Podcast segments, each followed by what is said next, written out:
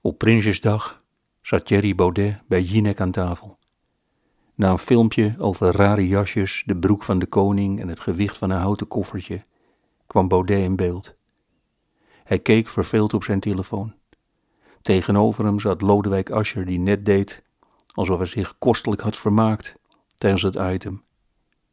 Je zou dan denken 16-0 voor Baudet. Lodewijk Asscher leek terstond op een oude grijsaard die in een foontje op veel te hard vraagt of er wel grote knoppen op het toestel zitten. Wat het voor Baudet nog beter maakte, was de aanwezigheid van een vrouw, die in een uitstervend accent van alles vond over Prinsjesdag. Naast Baudet met zijn telefoon leek zij op iemand die half naakt in een houten ton op een gedeelde zevende plaats eindigt tijdens een lokaal cabaretfestival. Er was zeker even PR-winst voor Baudet, maar het had veel beter gekund. Midden in een tv-show op je telefoon kijken is het eerste waar je aan denkt als je ongeïnteresseerd over wilt komen.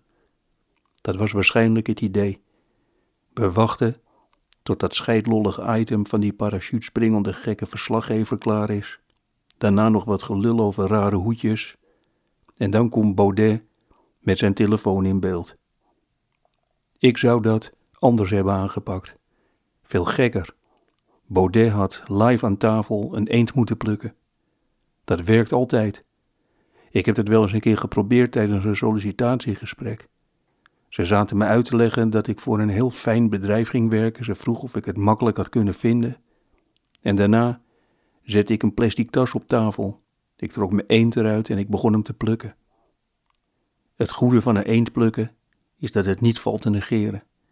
Zelfs Lodewijk Asscher was dat niet gelukt. Je moet wel kijken, zeker als je de veren uit de nek trekt. Nu zat Thierry daar met een lullig telefoontje. Nog beter zou het zijn geweest als hij een levende zalm in zijn arm had gehad.